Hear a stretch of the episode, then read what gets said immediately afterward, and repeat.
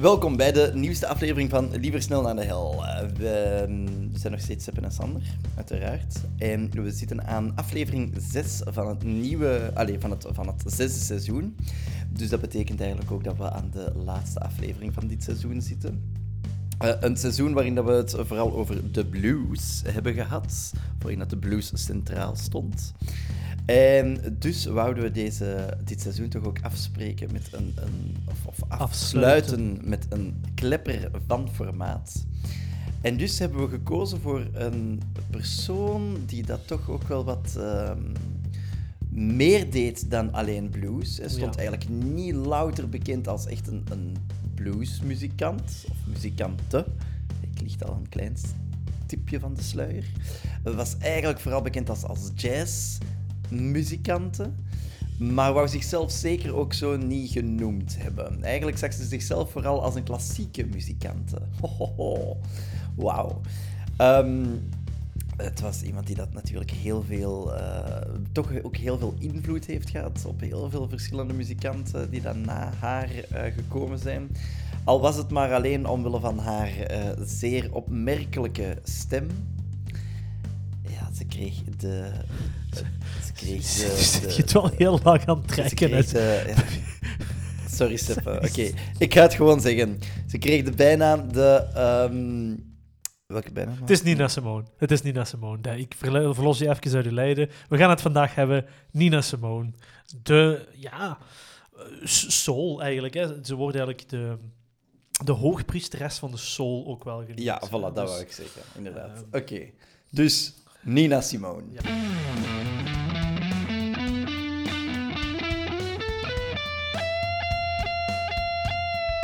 Liever snel naar de hel met Seppe en Sander. Dus niet echt blues, maar ze heeft zeker wel haar pap daar ook bij gehaald. Ook veel jazz-invloeden, maar ook zeker veel klassieke invloeden.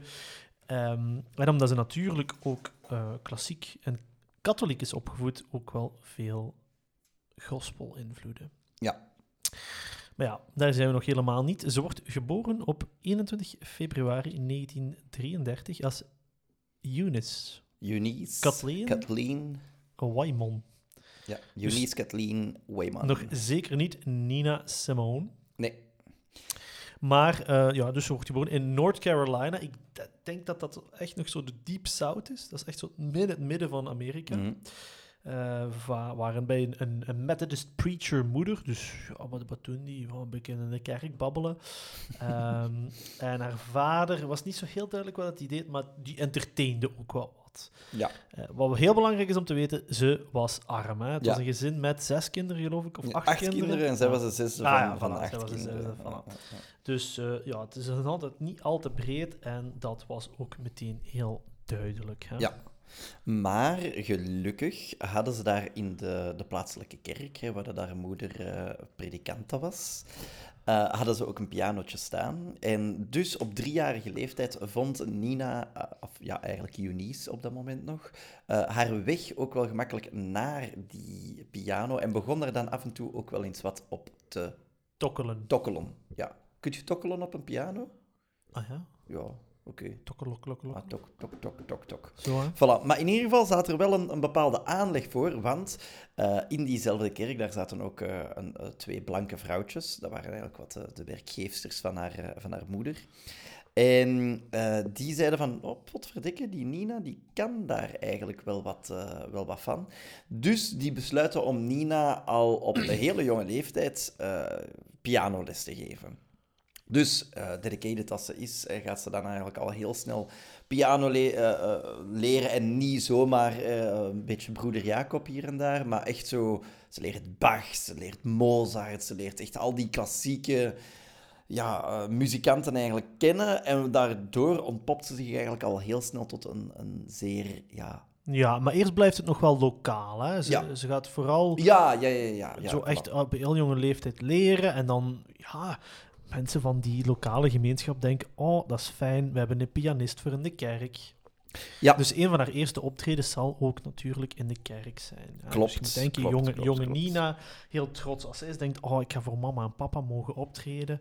Um, En ze zet zich klaar om te optreden en ze zoekt een beetje naar haar ouders. En ze ziet dat die eigenlijk helemaal naar achter gezet zijn. Want we zitten hier in het ja, Verenigde Staten van voor de Civil Rights Movement eigenlijk nog. Hè? Of nog, er is nog niet echt een Civil Rights Movement.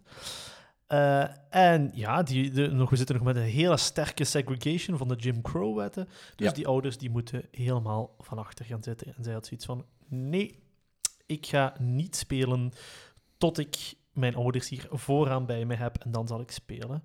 En veel mensen zullen ook later zeggen dat dat voor haar het moment ook is geweest dat zij zich ja, is beginnen inzetten al voor civil rights movements. Dat dat het moment is geweest Ja, ja.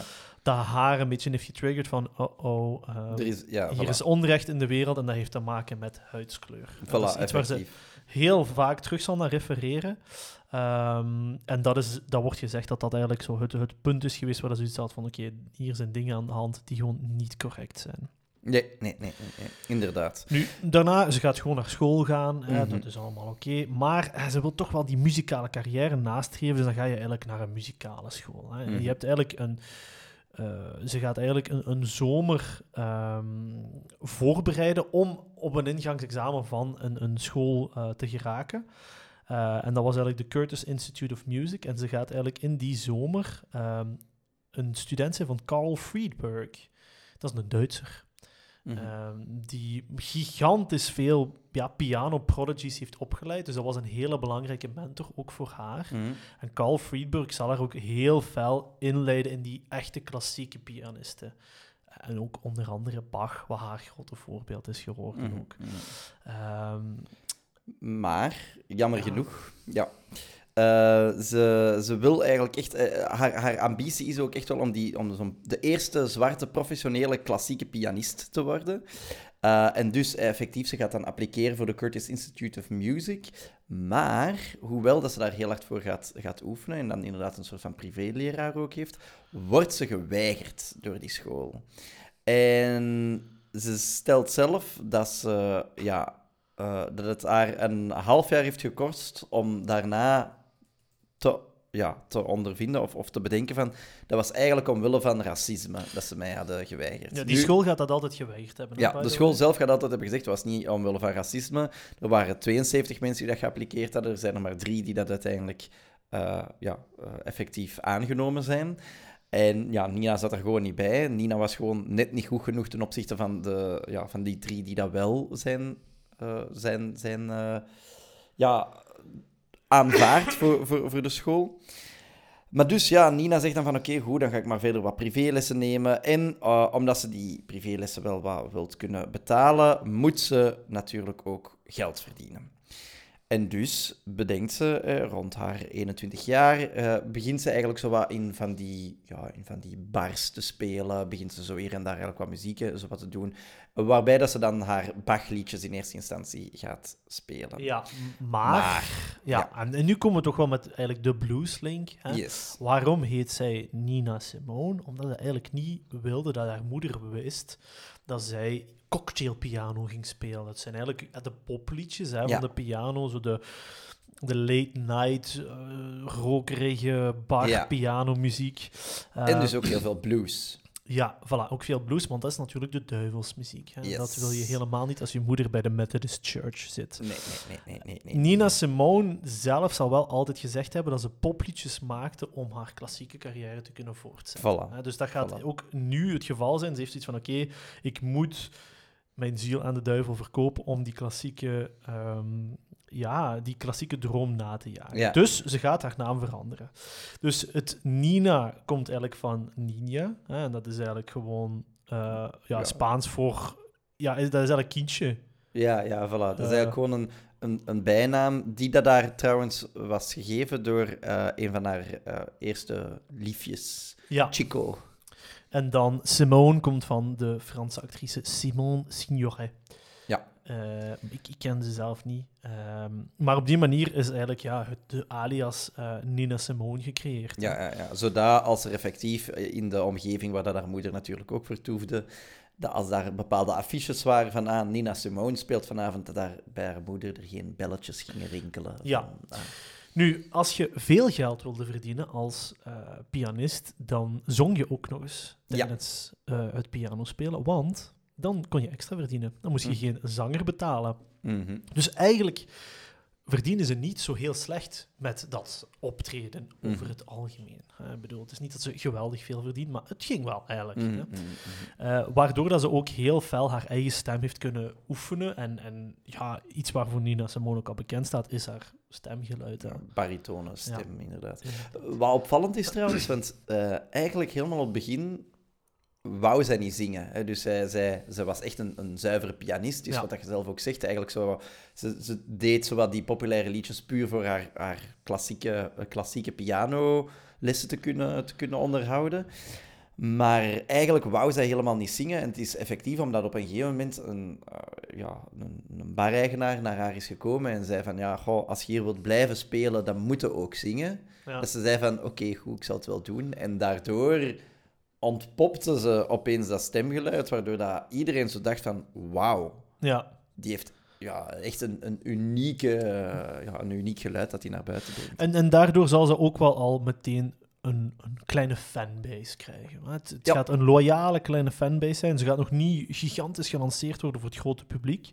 Maar ze begint wel wat contacten te krijgen. Ja. Ook, hè. En in 1958 eh, zal zij eh, De- Don Ross ontmoeten. Ja. Dat is eigenlijk haar eerste echtgenoot. Ze gaat daar snel mee trouwen. Eh, dat is Hmm. dus zo kalverliefd. En dan na, na de huwelijk- eerste huwelijksnacht heeft ze precies al zoiets van... Ai, had het misschien toch even niet moeten doen. Nee. Eh, maar ze blijft ook wel doorspelen in die clubs. Hè, want Ja. dat is eigenlijk zo wat haar job. En dan gaat ze eigenlijk ook haar eerste nummers opnemen. Mhm. Wat een beetje speciaal is voor Nina Simone, want haar grootste commercieel succes zijn haar eerste uitgebrachte nummers. Ja. Maar, maar niet financieel. Hè? Nee, nee, nee, nee, inderdaad. Dus het, het eerste nummer dat ze uitbrengt is eh, I Love You Porgy. Ja. Dat is, eh, ja, dat is eigenlijk een, een cover. eh, dat is ja, van, van, van Porgy and the Best. Dat was dan zo een film en zo dat er ook zwaar rond gemaakt was. Dus Ja. daardoor dat dat ook heel snel heel populair werd, omdat dat ergens ook al wel bekend was. Eh, grappig ook, dat is een nummer dat, onder andere, dat ze onder andere ook in de Playboy Mansion heeft gespeeld. Oh, Ja, ja, ja, voilà. Dus Hugh Hefner heeft daar op een gegeven moment aangekondigd en gezegd van... Hier hebben we Nina Simone met I Love You Porgy. voilà. Maar dus, dat is eigenlijk het eerste dat ze zo wat naar buiten brengt. En effectief, wat dat gezegd, eh ja, met dat eerste album, haar debuutalbum, Little Girl Blue, gaat ze eigenlijk bijna niks binnenkrijgen. Hè, omdat ze al haar rechten ook al voor 3000 dollar op dat moment zou hebben verkocht. Waarom? Omdat ze die 3000 dollar op dat moment nodig ja, had. inderdaad. En achteraf gezien had ze daar ja, waarschijnlijk meer dan een, een miljoen royalties eigenlijk van kunnen krijgen. Dat ze nooit heeft gezien, omdat ze die rechten al te vroeg verkocht Ja, had. en dat, dat wordt een hele lange rechtszaak ook. Dat gaat nog heel lang aanslepen. Mhm. Eh, en daarin gaat zij ook weer aanhalen van kijk, dat is eigenlijk... Daar zitten racistische motieven achter. ja, ja, Eh, dus dat is ook wel iets wat, wat haar in haar leven continu gaat tekenen. Ze gaat veel tegenslag hebben. Mhm. Eh, en ook veel tegenslag die, die gelinkt zal worden aan ja, racistische motieven. hè. Ja, ja. Of dat ze het zelf toch als argument erbij haalt, inderdaad. Want dat is inderdaad soms een beetje het, het, het gevoel dat ik er denk ik soms bij heb, is er is sowieso racisme, maar af en toe gaat ze het heel snel naar voren schuiven als zijnde van dit is racisme. Ja, en eind, eind jaren 80 zal daar dan ook wel een duidelijke verklaring voor komen. Maar ik denk Ja. wel niet dat je moet onderschatten. eh, je zit voor 65 Ja, ja, ja. met een zwarte vrouw Mhm, Sowieso. die solo opkomt. Dus Zeker. allee, ik denk, het, het is haar echt niet in de voeten gegooid. Het feit dat zij succesvol is, is het feit dat zij gewoon echt een knaller is. Nee, nee, Ehm. nee, nee, nee. Inderdaad. Nu, eh, op zich, eh, ze heeft er dan haar eerste album heeft ze zo wat uitgebracht. Nu, dat is al een, een, een, eerste doorbraak, maar nog een, laten we zeggen, een bescheiden doorbraak. Haar tweede, ehm, of, of een later album, hè, dat komt vanaf dat ze eigenlijk een platencontract heeft met Colpix. Ja, Maar vooral omdat ze ook een Andrew Stroud leert kennen, of Andy Stroud leert kennen. Dat was een ehm, New York police detective die dat na een optreden eens een keer zegt van... Hmm, die Nina Simone, die wil ik wel eens wat beter leren kennen. Ja. En ja, bon, van het een komt het ander. Eh, ja, het, het huwelijk met Don Ross had, eh, is, was eigenlijk al na een paar maanden op de klippen gelopen. En in 1961 eh, ja, trouwt Nina Simone met Andrew Stroud. Eh, Andrew Stroud stopt daarbij ook als uh, politiedetectieve en Ja. gaat zich volop eigenlijk focussen op de carrière van Nina. Ja, en dat, dat spelt al onheil natuurlijk. Hè? Dat spelt al onheil, inderdaad. Ja, ja. Ja. Nee, maar het, het voordeel wa- wat er natuurlijk wel is gebeurd, en dat is nog wel belangrijk. Oké, ze heeft niks commercieel gehaald uit die eh, Little Girl Blue. Maar met haar tweede album nu heeft ze wel al bekendheid. Ja. Mensen weten ineens wie Nina Simone is. En ze heeft ge- gechart in de billboards. Ja. Ehm, dus mensen weten eens, oké, Nina Simone, daar moeten we rekening mee houden. Dus dat tweede album, dat gaat ook al meteen een veel breder publiek krijgen. Ja. Eh, zij met haar nieuwe manager. Andrew Stroud, oké, we gaan er zelfs nog wel dieper op ingaan, is ook, weet ook wel wat hij moet Ja, doen. hè? Voilà, voilà. Dat is eigenlijk het ding. Dat, dat, zij zal altijd gezegd hebben van... Andy was mijn beste manager ooit. Een verschrikkelijke man, maar Ja. wel mijn beste manager ooit. Want die, dat was een businessman eigenlijk. Die Ja. wist heel goed hoe dat hem... Die had heel goede connecties, kon goed, kon goed netwerken, kon daardoor... En die had een hele duidelijke visie. Die had alles wat dat op dat vlak Nina Simone zelf niet had. Want Nina Simone wou performen, wou haar muziek naar buiten brengen. En Andrew, die had een voeling voor, oké, hoe gaan we hier geld binnenhalen? Hoe gaan we contracten binnenhalen? Hoe gaan we hier iets meer aan doen?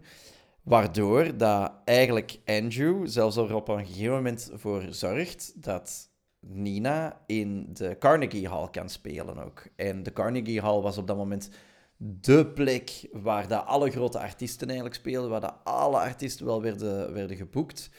Maar ja, Nina was nog zo wat van... Hmm, ze is nog geen Aretha Franklin, ze is nog niet groot genoeg. En Waarop dat Andrew Stroud gewoon zegt van... Weet je wat? Als jullie Nina willen, niet willen boeken, dan smijt ik er zelf wel een lap geld tegenaan. En dan zorgen we zelf wel dat ze daar mag spelen. En dat was eigenlijk een meesterzet van, van Andrew Stroud. Want dat zou haar ja, een van haar zotste optredens ooit worden, waarmee dat ze zich echt wel manifesteert als een, ja, als een, als een, als een zotte artieste. Ja, Hoewel, wil ik er nog even bij zeggen, dat, ze, dat dat een zot optreden was, dat ze daar zelf een beetje teleurgesteld van was, omdat ze zei van, ik wou daar eigenlijk als klassieke muzikant Ja. staan, en niet als een popmuzikant. inderdaad. Inderdaad. Nu, dat is de positieve kant van Andrew Stroud. Yes. Eh, maar de negatieve kant was dat hij zowel fysiek als psychologisch eh, Nina Simone voor eigenlijk een vrij lange periode zal misbruiken. Yes, ja. Eh, ze zullen ook samen een dochter krijgen. Die speelt ook wel een vrij belangrijke rol in het leven van Nina Simone, hè, de, Mhm. de dochter Lisa. Lisa. Ehm, dus, allee, allee, het- aan de oppervlakte lijkt het allemaal goed, maar eigenlijk eh, achter de schermen wordt zij fysiek zwaar geabused en, en gaat zij daar ook al wat PTSD aan overhouden. Hè. Ze gaat trauma's overhouden aan de manier hoe dat Andrew, Andrew haar behandelt. En dat gaat ook op haar verdere carrière wel een grote impact hebben. Hè? Want er Ja. gaan zo heel veel dingetjes samenkomen bij Nina, Mhm. eh, waardoor dat mensen het gevoel hebben van oei, wat voor, wat voor een gekke dame is dat? Maar als je dan een klein beetje dieper kijkt, denk je van oei, hè, ja. die heeft dat wel meegemaakt. Ja, ja, ja, ja, ja. En die frustraties, ja, natuurlijk, je bent muzikant. Hè, je, eh, je voelt dat er heel veel onrecht in de wereld is. Je hebt als, als jonge zwarte vrouw al heel veel onrecht gezien. Ja, wat gaat je dan doen? Eerst nog van recordlabel veranderen. Ja. En ik vind het wel cool, want het- ze gaat gewoon met, met een Nederlandse Ja. record company, Philip, Philips, Philips. Records. Ja. Eh, en dan gaat ze een, een derde album maken en daar zitten heel veel tonen in van de civil rights movement. En dan meer bepaald, ja, blijkbaar het, het lijflied van de, van de meer zuidelijke civil rights movement. En dat is Mississippi, goddamn. Mississippi God.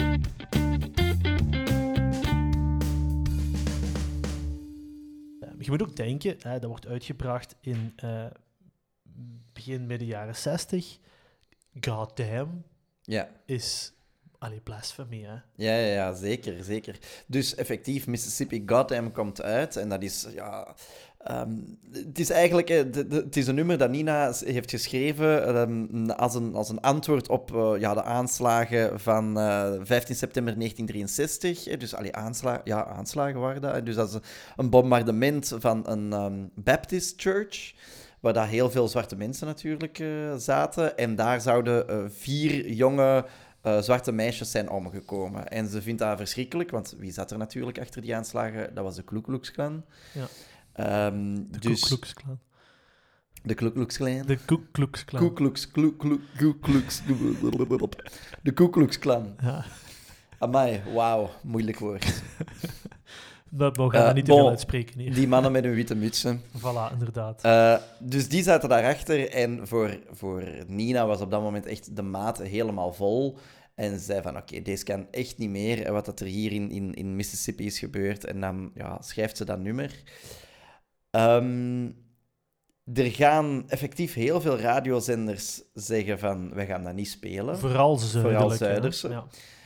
En ja, uiteraard ze- eh, geeft Nina weer aan van ja, typisch. eh, uiteraard heel, heel, dat, dat is omwille van het raci- racistische, eh, dat is uit, uitwille van dingen.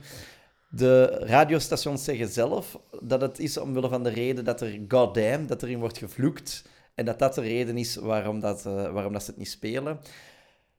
Maar ze gaat wel de Maar- kans krijgen om het in de Ellen Show, als ik het niet, niet vergis, te kunnen spelen. En dat is wel een groot moment, want dat is een show die toch wel vrij vaak bekeken wordt. Yes. En de presentator zelf gaat aan haar vragen van... Hey, speel Mississippi Goddamn, want ik wil eigenlijk niet alleen een gesprek starten over de Civil Rights Movement, maar ook over censuur. Eh, kennen we ondertussen al een klein beetje, hè? ja. Want, ehm, dus daar heeft ze wel die kans gehad om dat te spelen. Ja. Maar ehm, zij zal altijd zeggen: dat is het moment dat mijn carrière ehm, voor het grote publiek eigenlijk ja, kapot is gemaakt. Dat lied is daar eigenlijk, heeft, heeft ervoor gezorgd dat ik niet nog groter ben kunnen worden. Dat is natuurlijk, zij zegt dat als ze nog leeft. Hè. ja. Wat nog wel heel belangrijk is, zij is een hele sterke eh, civil rights movement aanhanger, maar zij volgt eigenlijk iets meer de school van Malcolm X. Eh, dus Ja. je hebt Martin Luther King, Malcolm X. Was het grote verschil? Malcolm X zegt, we moeten door revolutie en geweld een soort van zwarte staat creëren, waar dat zwart en wit gescheiden wordt. hè. Mhm, mhm. Er is geen oplossing meer tussen, over het rasconflict, terwijl Ja, Martin we Luther kunnen King geen compromissen meer Voilà. sluiten. Ja. en terwijl Martin Luther King zei van kijk, eh, we laten we vredevol een protest voeren en op die manier tot een, een oplossing komen. Nu, het past ook wel veel meer bij Nina Simone om, om voor die Malcolm X-kant te zijn. De En extremere kant. ze waren ook buren. Dus Ja. ja, kijk. Ja, als je dan voilà. eens op de koffie gaat, ja, Als je op de... Dan kun je niet zeggen van... Oh ja, Malcolm, goh, ik, ik ga toch liever eigenlijk met de Martin Luther eh, even wandelingetje maken. Hè. Ze zou zelfs ooit tegen Martin Luther King hebben gezegd van... Jij met uw eh, geweldloos verzet, ik geloof daar niet in. Doe daar niet aan mee. maar wat niet wil zeggen dat ze wel eh, respect hadden voor, voor, voor de verschillende ehm, visies. In, Ja. in, eh, uiteindelijk, iedereen wou wel hetzelfde, wou meer ehm, respect en wou meer gelijkheid, wou discriminatie tegengaan, wou racisme tegengaan. Dus ze verschilden in de manier hoe dat, dat moest gebeuren, maar het, het, het streefdoel, dat hadden ze wel gemeen en daarin respecteerden ze elkaar ook, eh, Ja. ook wel heel hard. Dus bijvoorbeeld eh, op, op een gegeven moment als er zo een, eh, zo'n march wordt ge- georganiseerd eh, door onder andere Martin Luther King, zal Nina Simone daar ook wel op, op aanwezig zijn en zal daar ook Mississippi Goddamn eh, gaan spelen. Ja, Dus je, je merkt dat ze zelf ook altijd wel. ehm, allee, of, of zelf geeft ze aan dat haar sterkte was haar muziek en was haar stem. En was eigenlijk die combinatie eigenlijk zo na- naar buiten, allee, was eigenlijk door middel van muziek een bepaalde boodschap naar buiten brengen. En zij, zij zag dat als iets van, ja, dat is iets wat ik kan geven aan de civil rights movement en wat al die andere mensen niet kunnen geven. Dus ik moet dit doen, eigenlijk. ja inderdaad. Ehm, nu, we zitten hier dan midden jaren 60. Ze heeft ook een. Ai, ze begint nu ook wel echt nationaal erkend te worden als artiest, zeker onder de zwarte bevolking en zeker Mhm. onder de civil rights movement. En ze zal enorm, enorm veel optreden in deze periode. Hè. Ja. Dat is, hè, haar manager, haar man, die zal het ene optreden na het andere inplannen. En dat gaat ook wel een klein beetje een fysieke en een mentale tol op haar nemen. Mhm. Ehm, ze gaat een beetje angstig worden, wat, wat gestrest, wat angstaanvallen krijgen. Dus ze, ze gaat stiekem ehm, pillen voorgeschreven krijgen. Ja. Dat mocht niet geweten worden natuurlijk, hè, want ja, een zwarte vrouw die pillen pakt, hè, je kunt je dat al Mhm, voorstellen. Ehm, maar hoe meer, hoe meer dat eigenlijk de, de periode vordert, hoe, hoe, hoe slechter het met haar gaat gaan. Eigenlijk ook wel. Mm, mm, Ehm, het zijn momenten waar dat ze optredens geeft, waar dat mensen hebben van, oh my god, hè, Nina Mm. Simone, die is hier alles aan het geven. En er zijn momenten waar dat ze eigenlijk dronken het podium opkruipt en ja, eigenlijk nog geen 15 minuten speelt. Dus het gaat van de ene kant naar de andere kant. Ja, hè. ja, ja, en, dat bereikt zowat zijn hoogtepunt in 1970, Ja.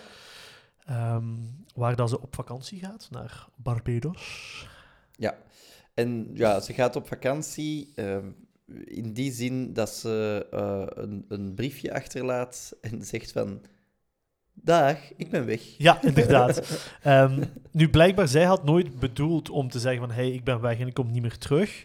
Eh, maar ehm, Haar, ja. ja, haar manager dacht dat zo was. Eh, Ja. En, eh, en slash man eigenlijk ook, want de ring had ze ook achtergelaten. De ring had ze ook achtergelaten. Haar dochter laat ze ook helemaal achter. Dus Ja. ze vertrekt helemaal alleen vanuit het niks op een moment dat, ze, ja, dat haar man vooral ook zegt van... Ja, Nina, als je, als je een grote ster wilt zijn, als je zoals Aretha Franklin of zo wilt zijn, ja, dan moet je heel hard werken. En zij had er letterlijk genoeg van en, en, en is vertrokken. Nu, Ja, dus eerst gaat ze gewoon op vakantie. ja. En dan ja. komt ze terug en dan zegt de IRS, dat is de Amerikaanse belastingdienst, van hey Nina, je hebt je belastingen niet betaald. Dan zegt Nina, ja, dat klopt. Eh, want jullie maakt daar oorlog in Vietnam en ik wil dat niet steunen, dus ik betaal mijn belastingen niet. Dus zegt de IRS, maar dan gaan we je oppakken. Mm, Dan zegt Nina, ja, dan verhuis ik gewoon naar Barbados. En eigenlijk is dat het laatste moment dat zij echt in Amerika zal zijn als Amerikaanse die daar woont. En Ja. Ze zal dan echt verhuizen naar Barbados. Dan gaat daar een kleine wel mee. Hè? kort even. Ja, kort. ja. Nee, dat, in Liberië gaat ze Ah, wel- ja, ja, ja, In. Barbados gaat ze wel mee. Eh, ze laat haar man achter. Dat is eigenlijk zo wat goed als gedaan. Mhm. Ja, allee, ik heb daar niks over gevonden dat dat zo gedaan wordt gemaakt. Of Nee, ja, ah, wel, dus dat is, dat is haar man zelf ook, want die wordt da- daarna eigenlijk ook nog redelijk veel geïnterviewd als de man van Nina Simone. Maar die, die, ja, ik denk dat hij dat zelf ook niet altijd zo goed weet van, ben ik nu uiteindelijk achtergelaten? Ben ik nu niet achtergelaten? Wat moet ik hier eigenlijk van opmaken? Allee, ehm, hij zegt altijd van, ja, bon, als je daar inderdaad je ringen achter, achterlaat, ja, bon, dan, dan wil dat toch vooral zeggen dat je, dat je, dat je scheidt of dat je, dat je ermee stopt. Ja, inderdaad. Maar ehm, hij is wel op een bepaalde manier haar, haar carrière altijd wel wat blijven volgen. Maar niet meer als, als manager, uiteraard. Ook Nee, niet, als maar- gewoon nu was, het was creep. Ja, als creep. Maar ja, ze bleven met elkaar verbonden natuurlijk ook met, door hun dochter. Ah ja, tuurlijk. Ja, ja. Dus, voilà. En, en het, hij was nog altijd haar manager op dat moment. Hè? En hij was ook in, effectief nog altijd haar manager. Maar dus, zij zit in, in, in Bar- Barbados. Ja, daar gaat ze ook op een gegeven moment zeggen van, ja, dit is niet de plek waar ik wil... Maar wil we vergeten nog wel iets belangrijks, hè, wat er gebeurt in Barbados. Wat gebeurt in Bar- Barbados? Ze begint een affaire. Oh, ja, Ze ja, ja, begint ja, ja, een affaire met niemand minder als de eerste minister van Barbados. Ja. Eh, en, en dat moet blijkbaar een hele goede periode voor haar zijn geweest. Heel raar, want in principe mentaal ging het niet goed met haar Nee. op dat moment. Maar zij zal ook een, een- een terugkijken in die periode van Barbados als positief. En haar dochter zal ook zeggen van... Ja, Nonke eerste minister was eigenlijk een van de fijnste vriendjes die mama heeft gehad. Ja, ja, ja, Ehm. dat zal ook wel. Die zal, die zal wel wat kapitaalkrachtig geweest zijn. Dus ik denk dat ze daar goed onderhouden Ja. Maar dus, ze kan in principe ook niet terug naar de Verenigde Staten, want daar is eigenlijk een arrest warrant voor haar. Ja, ja. Eh, ze gaat, ik denk, een tweetal jaar in Barbados blijven. Maar je Mhm. moet denken, op dat moment is iedereen what happened to Miss Simone. Hè? ja, Die verdwijnt. die verdwijnt. Die verdwijnt. Ja, Eh, ja. en ze gaat dan eigenlijk ook verhuizen naar Liberië. Nu, Liberië is eigenlijk een van de weinige Amerikaanse kolonies van, ja, van eh, Afrika. van Afrika. Ja, Ja. Afrikaanse kolonies van Amerika. eh, ja, ja. Allee, het is, het is, het is ja, zo... ex-kolonies nu natuurlijk. Ja, hè. ja voilà. het is, er zijn vooral heel veel, laten we zeggen, ex-zwarte eh, Amerikaanse slaven die dat terug naar daar Ja, eigenlijk zijn gegaan. Die dat daar zijn gaan vestigen. En dan Liberia, hè, dus een, een vrij land, eigenlijk zo een beetje waar ja, gesticht, eh, Ja. tussen, tussen aanhalingstekens hebben. Dus, dus dat werd een beetje wat bezien als zo, eh, het, het land waar, dat de waar dat de zwarte Amerikanen vrij kunnen leven. Zo gezegd. Ja, hè. inderdaad. Dus z- zij had dat in haar hoofd, denk ik, vooral ook als, iets, als een heel hard ideaalbeeld, waardoor dat ze daar op een gegeven moment ook naartoe trekt. Ook vanuit een hele, mm, ja, laten we zeggen, eh, niet, eh, ja, of, of vanuit een soort, soort van spontane ingeving. Hè? Mhm. Dat ze daar naartoe gaat, ze laat haar kind ook gewoon achter. Dus Nee, die gaat nog even mee, hè? op het begin niet, hè. Ah ja, oké. Op het begin dan gaat hij terug naar, naar papa, naar Andrew. ehm, Tate. eh, Andrew Stroud. Eh, Nina die gaat dan in, in Liberië wonen. Die, die, woont dan, die ja, begint daar haar eigen dingen wat te doen. Maar vooral ook als... Ze leeft daar vooral een beetje ook als een nomade. Dus ze heeft zo niet echt een plan. Ja. En ze leeft overal en nergens. Ze doet vooral geen muziek meer. En eigenlijk, het is wat dat je zegt... Op dat moment is het helemaal what happened miss, to Miss Moon. Want niemand weet waar dat, wat, dat ze, wat dat ze aan het doen is, waar dat ze exact verblijft, hoe dat, allee, hoe dat ze zichzelf onderhoudt. En op een gegeven moment dan vraagt ze ook aan haar, aan haar dochter om terug naar, naar haar te komen. Haar dochter is op dat moment, denk ik, ongeveer 14 jaar. En haar dochter gaat altijd zeggen van, die periode in Liberië, dat was voor mij de ergste periode ja. ooit. Omdat haar moeder haar volledig, dus al omdat Nina Simone is, eh, ja, haar volledig mishandelde. Ah, Allee, ja. psychisch gewoon volledig mishandelde. Dus ze zei van, dat was heel raar om te zien, want ik had gezien hoe dat mijn ouders vroeger met elkaar omgingen en hoe, hoe dat mijn vader mijn moeder eh, heel hard had aangepakt, eh, psychisch had aangepakt. En nu deed mijn moeder exact hetzelfde bij mij. Dus ik zat daar opeens in een vreemd land waar ik niemand kende. En waar dat mijn moeder mij niet op een manier behandelde dat ik wou. Dus ik had schrik eigenlijk van mijn moeder. Ja. En ja, het begint zelf ook wel niet echt houdbaar te worden voor Nina Simone zelf. Hè. Ze gaat eigenlijk, eigenlijk zo lang gaat ze ook niet wonen in Liberië. Ehm, en ze gaat dan eigenlijk verhuizen naar, ja, naar Nederland, Zwitserland, Eerst Parijs. Zwitserland hè. even. Hè? Ja. Ehm, nu, wat ik wel nog heb gevonden, wat ik een heel interessant verhaal vond, was dat eigenlijk ja, Nina Simone zat een beetje in een zak en as. Mhm. Ze wist zelf niet zo goed wat ze moest doen. Ze had heel veel frustraties rond, ehm, ja, rond, het, rond, rond die civil rights movement eigenlijk. Hè? Ja, rond de discriminatie die zij zelf had meegemaakt. Ehm, maar ook rond het feit dat zij door haar om- omgeving op het einde ook wel zo werd gezien als een diva. Hè? Dat werd heel veel gezegd. Eh, en er is eigenlijk één persoon, of ja, het gaat waarschijnlijk niet één persoon zeggen, maar er is een, een bekende persoon die haar een beetje door het slijk heeft gehaald. En dat is niemand minder dan David Bowie.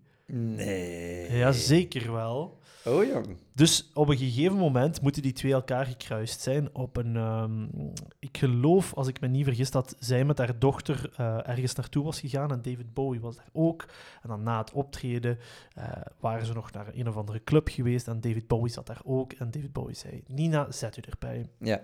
En die zijn dan eigenlijk aan- met elkaar aan het praten geraakt. En, en David Bowie heeft eigenlijk gewoon gezegd van... Nina, hè, wij zijn speciaal. Hè.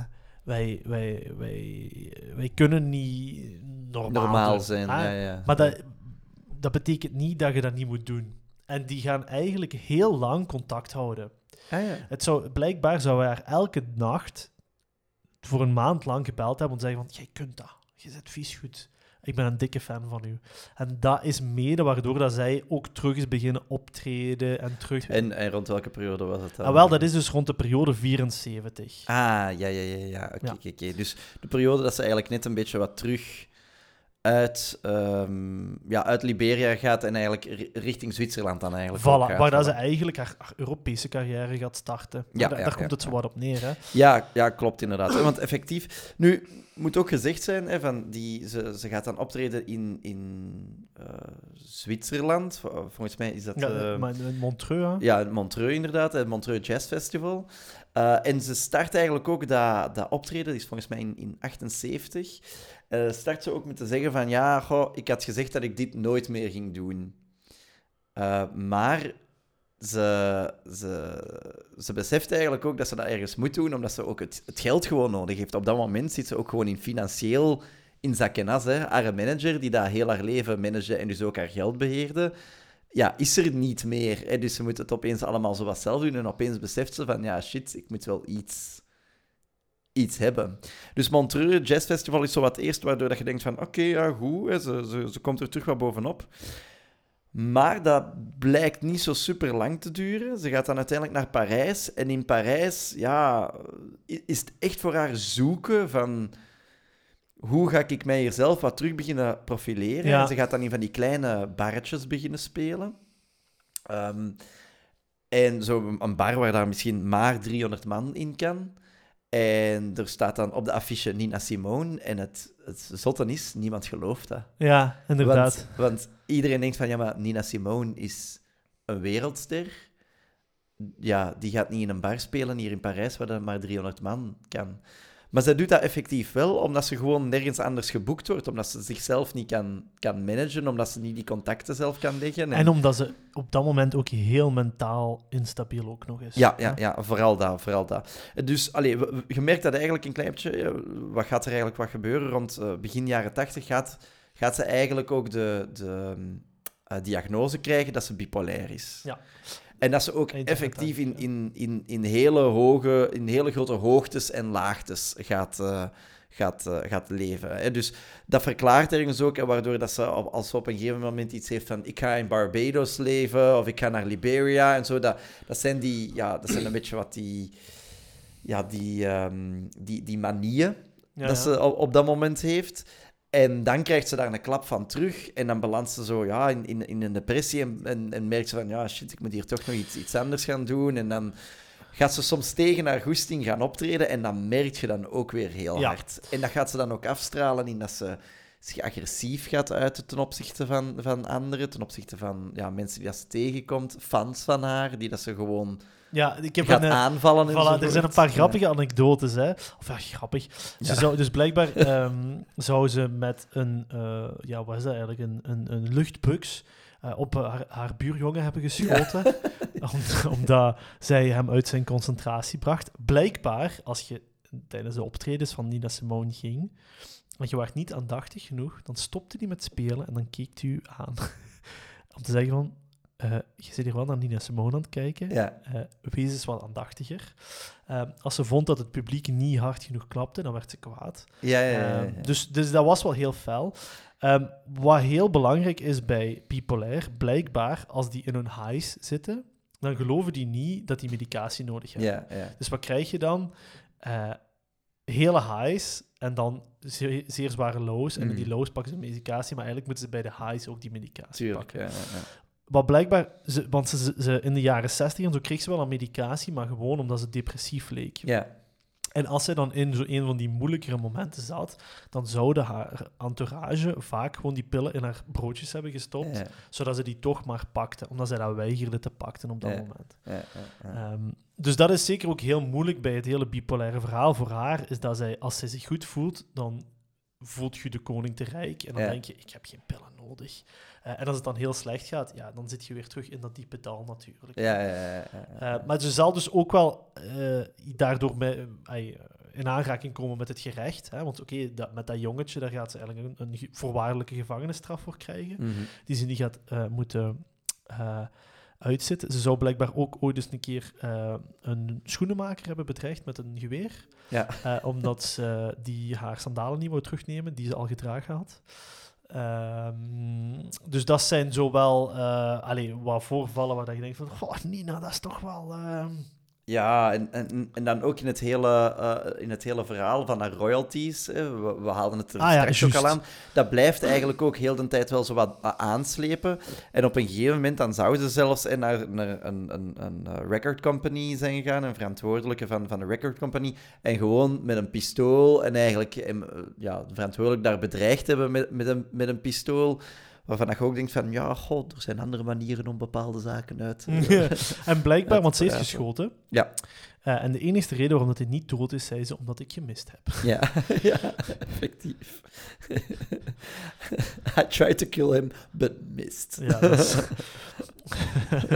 dus ze ging er wel echt voor. Ehm, Ja, Maar ze gaat een klein beetje geluk ook nog wel hebben in die latere jaren. Hè? Ja. Want eh, er gaat een reclamespot komen. Ja. Van Chanel nummer 5. En daar gaat een nu- nummer van haar in voorkomen. Hè? My Baby Just Cares For Me. Ja, ja, En ja, daardoor gaat zij ja, geherlanceerd worden in, in Europa eigenlijk. Mensen vinden het een geweldig nummer. En eh, ze, ze gaat charten, waardoor dat ze ook grotere venues gaat terugspelen.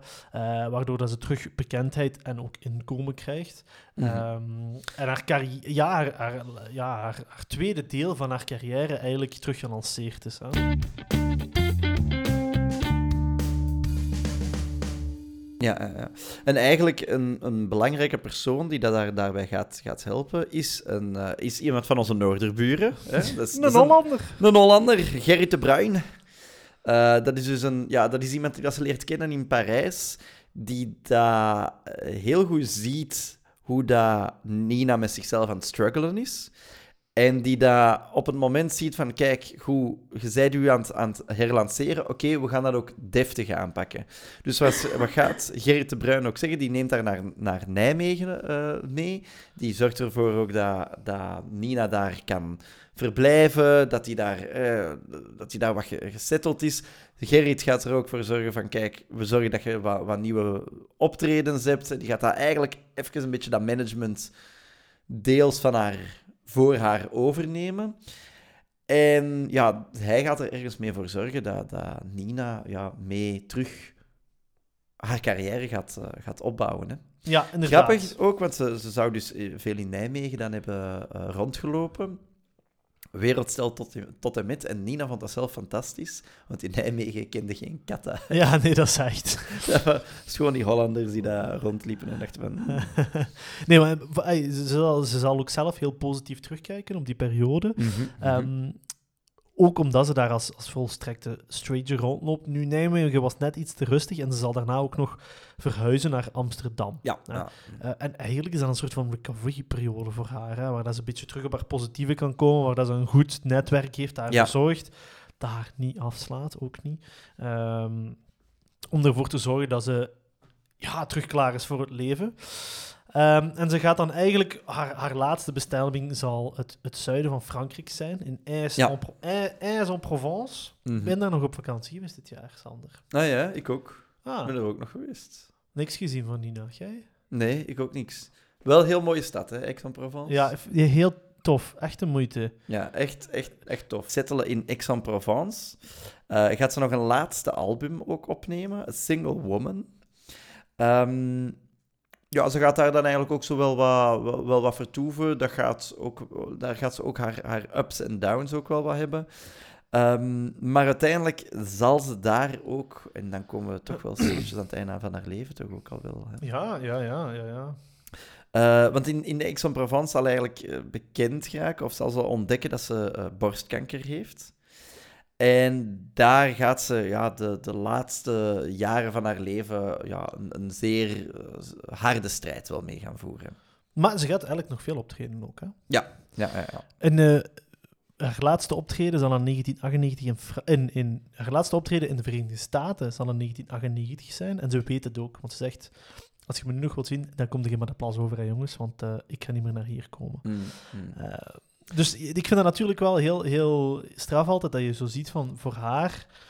Zij is zo'n harde aanhanger geweest van die civil rights movement, maar eigenlijk sinds 1970 heeft zij niet meer in de Verenigde Staten gewoond. Dus dat is zo'n een hele moeilijke strijd voor haar geweest. Ehm, Ja, er, er wordt ook heel veel gezegd dat dat ook echt heel hard op haar heeft gewogen. Die, Ja. eh, het feit, ze was... Ze kwam vanuit een, een, haar, gewoon haar situatie waar dat ze in is opgegroeid. Hè, van, van een hele moeilijke situatie. eh, armoede, altijd met racisme geconfronteerd geweest. Dan opeens naar, van een arme situatie naar een heel ja, rijke situatie. Want ze was echt wel ja, een grote wereldster. Dus dat was het ene. En dan daarnaast hadden we nog het hele civil rights movement, waarin dat ze zich eigenlijk ook wou profileren. Dus ze werd als... Haar figuur werd eigenlijk wel gebruikt, waardoor dat ze haar persoonlijk leven soms niet meer zo goed meer op de, op de been had. Hè. Haar, familie, haar, haar familie niet meer helemaal kon managen. Haar, haar gewone dagdagelijkse eh, zaken niet meer goed kon, eh, goed kon doen. En dat frustreerde haar ook heel hard. ja, inderdaad. Maar, ehm, maar goed, ehm, ze sterft dan uiteindelijk in eh Car- Carrie-le-Rouet op eh, 21 april 2003. En zal dan 70 jaar zijn geworden, exact. Ja, ze zal ja, twee of drie maanden na haar 70ste verjaardag zal ze sterven. Ja. En, en haar assen zullen over eh, verschillende Afrikaanse landen eh, ja, verspreid worden. Ehm, en het, het, ja, ze, ze, ze sterft een beetje op, iets, een positieve noot eigenlijk wel. Hè. Het, het Ja. is, het is zo een van de misschien weinige artiesten die we hebben zien vallen en terug zien opstaan. Hè. Ja, ja, Ja. ja klopt. Ehm, en ze, ze, ze zal in die latere jaren, dat gaat ook heel hard bijdragen aan haar legacy, omdat die, er zijn heel veel beelden van haar. Hè? Mhm, mhm. Eh, ze is heel veel te zien, ze zal nog heel veel optredens doen. Ehm, en vanaf het moment dat zij sterft, gaat haar fame eigenlijk nog harder groeien. ja, Dus Nina Simone gaat ineens heel hard gereferenced worden in heel veel artiesten als, oké, dit is mijn, eh, dit is mijn ah, Muse, idool, ja. mijn, mijn muze. hè. muze letterlijk. Ja. Ehm, we, we kunnen eigenlijk nu een, een, een callback doen naar de allereerste aflevering die we ooit hebben gemaakt, Sander. Mhm, Jeff Buckley, die wel in 97 al is gestorven, mhm. was een gigantisch grote fan van Nina Simone en Ja. heeft onder andere het nummer Lilac Wine gecoverd Ja, van Nina. Simone. Ja, voilà. En, maar eh, denken we ook bijvoorbeeld aan een, aan een Muse die dat aan Feeling Good doen. Ehm, David Bowie heeft ook een nummer gecoverd van Nina Simone. ja, ja, ja, ja, ja, voilà. Nu, ik moet ook zeggen, Feeling Good eh, is, is eigenlijk ook een cover van... Ja, ja. Allee, is, is eigenlijk zelfs niet van Nina, Simone. Heeft zij gecoverd, maar zij, zij claimt het nummer ergens Ja. ook echt wel. En dat als- is ook wel interessant, want Nina Simone zal eigen nummers hebben, zal covers maken, maar Ja. zal ook nummers spelen die mensen voor haar gemaakt hebben. Ja, Dus er zijn heel veel artiesten die zeggen van, oh, ik heb hier een nummer geschreven, maar eigenlijk kan ik dat niet spelen. Ik, Ja. Dat is een nummer voor Nina Simone. Ja. Dus ze heeft, ze heeft nooit een Grammy gewonnen, eh, maar eh, ha- haar nummer Young, Gifted and Black, wat ook weer zo'n civil rights song is, hè, ja. Ehm, dat gaat ook gecoverd worden door Aretha Franklin en zij gaat daar dan wel de Grammy voor winnen. Ehm, ja, Aretha Franklin gaat er dan de, de Grammy voor winnen en dus niet, niet eh, Nina Simone. zelf. Ja. Eh, wat, maar, wat, wat dat is eigenlijk wel straf, want zij, Nina Simone is er wel ook voor ge- genomineerd geweest. Dat was het. Voor hetzelfde nummer ook. Ja, maar de cover krijgt dan blijkbaar... eh, Wel straf, inderdaad. Inderdaad. Nu, eh, misschien nog één laatste ding, wat ook belangrijk is. We hebben het hier nu, nu even voor Young Gift, eh, Gifted and Black gehad. Een heel belangrijk nummer ook nog van Nina Simone is For Women. Mhm. Omdat dat gaat over de, de kritiek op de klederdracht. Ja, ja, ja, ja. ja. We hebben het daar nog niet echt over gehad, dus ik prop het hier nog even tussen. Ja.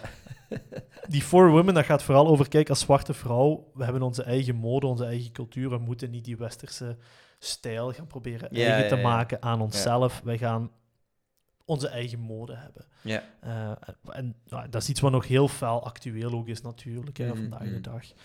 Ehm, Ja, voilà. Dus, dus vandaar, eh, dat kadert natuurlijk voor een deel binnen de civil rights movement of, of binnen het, het, eh, ja, het, het, het profileren, zal ik ergens zeggen, hè, van, van, van ehm, de zwarte vrouw of, of van, van de, de zwarte cultuur natuurlijk ergens ook. Ehm, maar het gaat effectief ook wat meer over het trots zijn over uzelf als, als vrouw. Van, je moet niet effectief altijd al die andere zaken eigenlijk zo wat gaan volgen, maar een soort van ja, breken met eigenlijk het, het westerse schoonheidsideaal. En vooral eigenlijk een soort van, van, van respect voor uw eigen waarde. Eh, Daar, daar, daar pleiten ze zelf ook heel hard, eh, heel hard voor. ja, inderdaad. Ja, Zo, dan komen we eigenlijk wat aan het, eh, aan het einde van deze aflevering over Nina Simone. ja, ik denk, je gaat enorm veel nummers van Nina Simone in soundtracks horen van films, Ja. van series. Je gaat veel covers horen van Nina Simone. eh, in, van, bij verschillende bekende artiesten. We, we hebben ze al aangehaald, ook Mary J. Blige is natuurlijk ook wel een hele belangrijke. Ehm, je gaat waarschijnlijk ook originele versies horen van nummers die Nina Simone heeft gecoverd. Hmm. Misschien een hele belangrijke voor ons me quitte pas van Jacques me Brel. quitte pas, inderdaad. Ja, ja, Werd gecoverd door Nina Simone. Ja, ik moet ook wel zeggen, ik, ik was er onderweg naar, naar hier, wa- was ik er nog even naar aan het luisteren. Ik moet zeggen, ze heeft wel een sterk, sterk accent. ja. Ja, het, het is zo, het is soms zo dat je zo denkt van, ja, hmm, Ik, nu niet dat ik de beste Franstalige spreker ben, maar bon, je, je hoort het wel als iemand zo een beetje een Amerikaans accent heeft, terwijl dat die Frans aan het spreken zijn. En daardoor wordt dat zo heel edgy wel. Allee, zo, zo een beetje zo wat... Ja... Zo, uh, ja. Ehm, ja, ja, zo wat... eh, ja. Raar. Ja, Allee, zo. inderdaad. Maar ja, oké, Jacques Brel is natuurlijk ook wel... ah, Nee, maar wel, wel heel mooi. Ze zei trouwens ook eh, over, over België, noemde ze een van haar homes. Oh, is dat? Ja. Nou, hartstikke leuk zeg. Ja. Ehm, ik kan u zeker aanraken... ra- aanraken? Nee, ik kan u niet aanraken, want we zijn een podcast aan het doen. Ja. Ehm, ik kan u wel aanraden om eh, What Happened to Miss Simone te kijken. Op Netflix. Ja, Ja, heb je die ook Zeer gezien? Goed. Ja, ja, ja, is goed, hè? Heel goed, ja. Ah, eh, eh, ik vind het... Vooral het einde heb je zoiets van... Ah, ik ben toch blij dat het zo geëindigd is. Hè? Ja, ja, tegelijkertijd had ik ook wel iets van echt een triestig leven ergens ook wel. Allee, zo, zo van... Ze had heel goede intenties en zo, maar ze werd wat geleefd door, Ja, door ja. ja, ja. alles rondom haar. En ze, ze wou iets betekenen, maar tegelijkertijd was dat te groot voor haar als persoon om te dragen. Ja, Dat, inderdaad. dat, dat, dat is het gevoel dat ik soms had. En daarbij vind ik het ook interessant dat je zo...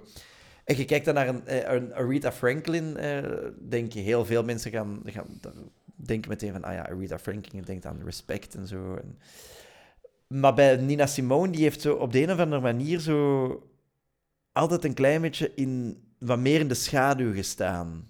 maar nu ik. toch niet. Ik denk nu als Nee, je... ah, wel, nu niet. Nu niet. Nu, eh, als je hoort Nina Simone, dan denkt iedereen van, amai, wauw. Maar omdat Nina Simone heeft zo op een gegeven moment... Ja, heeft die die terugval even gehad, Ja, hè, ja, waar- ja. waarbij dat ze is, een beetje wat is weggelopen, ook muzikaal even niks meer heeft gedaan, ook niet gemanaged is geweest en zo, waardoor dat ze zo... Ik heb zo het gevoel van, er had tijdens haar leven nog zoveel meer Ja, ja. kunnen gebeuren. Ja, ja, ja, ja. Ja, dat is, dat is misschien een goede vraag die je, die je zou kunnen stellen. Hè, van, zijt je blij met het leven dat je hebt gehad? Hè? Ik denk dat ze veel spijt zou hebben van, van dingen. Maar ik denk op het einde, ja, ze, ze, ze deed wat ze graag... Ze, ze, ze is gestorven met hetgene wat ze graag deed. En dat was muzikaal spelen. Hè? Ja. klassiek. Ze heeft hele klassieke concerten ook nog gegeven op het einde van haar, van haar leven. Dus ja, het- en, en ik denk vooral een hele groot deel zelfacceptatie. Hè. Mhm, Ja. mhm. Ik vind het heel interessant, en we hebben het daarnet eh, op het begin van de podcast ook gezegd, om niet te politiek te gaan, maar het, het doet mij soms een beetje denken aan Kanye West Ja, op dit moment. hè. Dat vond ik inderdaad een Ja. goede vergelijking. Maar ja, ja alleen er, er, zitten, er Maar- zitten wel wat dingen in. Ja, en als je dan zei, ziet hoe dat zij toch wel rise to the occasion, hè, Mhm. Ehm, iets wat misschien nu niet echt aan de hand is met, met, met, met Kanye West, dan heb ik zoiets van, ja oké, ze, ze heeft met de situatie waarin ze zat en de omgeving waarin ze zat, heeft ze het beste ervan gemaakt. Ja, ja, ja, voilà, voilà, voilà. En ik denk ook wel met de beste intenties ook altijd wel. Ik denk als je Kanye West, die, die kunnen soms een beetje wat denken van, hm, waar is hij eigenlijk mee bezig? Ja, maar ja, dat, zijn die, dat is die Ah. bipolaire. Je kunt, je kunt dat niet zeggen van, oh, wat was die nu bezig? Want die zitten dan in hun, in hun ja, fasen, of hoe moet je dat zeggen? Ja, ja, ja, ja, dat is waar. Dat is waar. Want dat is voor psychologische Dat podcasts. is voer voor de psychologische podcast. Inderdaad, ja. Voilà, ja, dan kunnen we er eh, helaas weer niet uitgaan met een, eh, met een nummertje. Eh, hoe graag we dat anders ook hadden gewild. Maar ja, we willen jullie toch in ieder geval bedanken om weer naar, dit, naar deze podcast te Ja, luisteren. dat is weer een seizoen- voorbij, hè, Sander. Het gaat, het gaat snel, hè? vliegt voorbij, voilà. En dan gaan wij ondertussen zoeken naar een, eh, een nieuw thema. eh, waar dat we weer een aantal nieuwe artiesten aan kunnen linken. eh, zodat we daar weer fijne gesprekjes over kunnen hebben. En jullie op een leuke manier kunnen informeren. En we hopen toch ook een beetje amuseren. Ja, voilà. En dan eh, horen we elkaar binnenkort weer. Ondertussen willen we ook aan eh, jullie vragen om zeker onze podcast te volgen op Instagram, te liken op Facebook, eh, sterretjes te geven op Spotify en Apple Podcasts. Laat eens een recensietje achter, vinden we leuk. Joepie. En ja, laat, la- of, en laat ons weten wat je ervan vindt. hè. En Ja. als je het leuk vindt, vertel het tegen een vriend Ja, of vriendin. of, of familie. of familie. Ja. Of, of ja, voilà. Voilà. En dan zijn wij ook weer tevreden. Allee, ik vond het weer fijn. Ik vond het weer fijn. Ik ook. Allee, dag hè. Goed. Yo yo. Doei.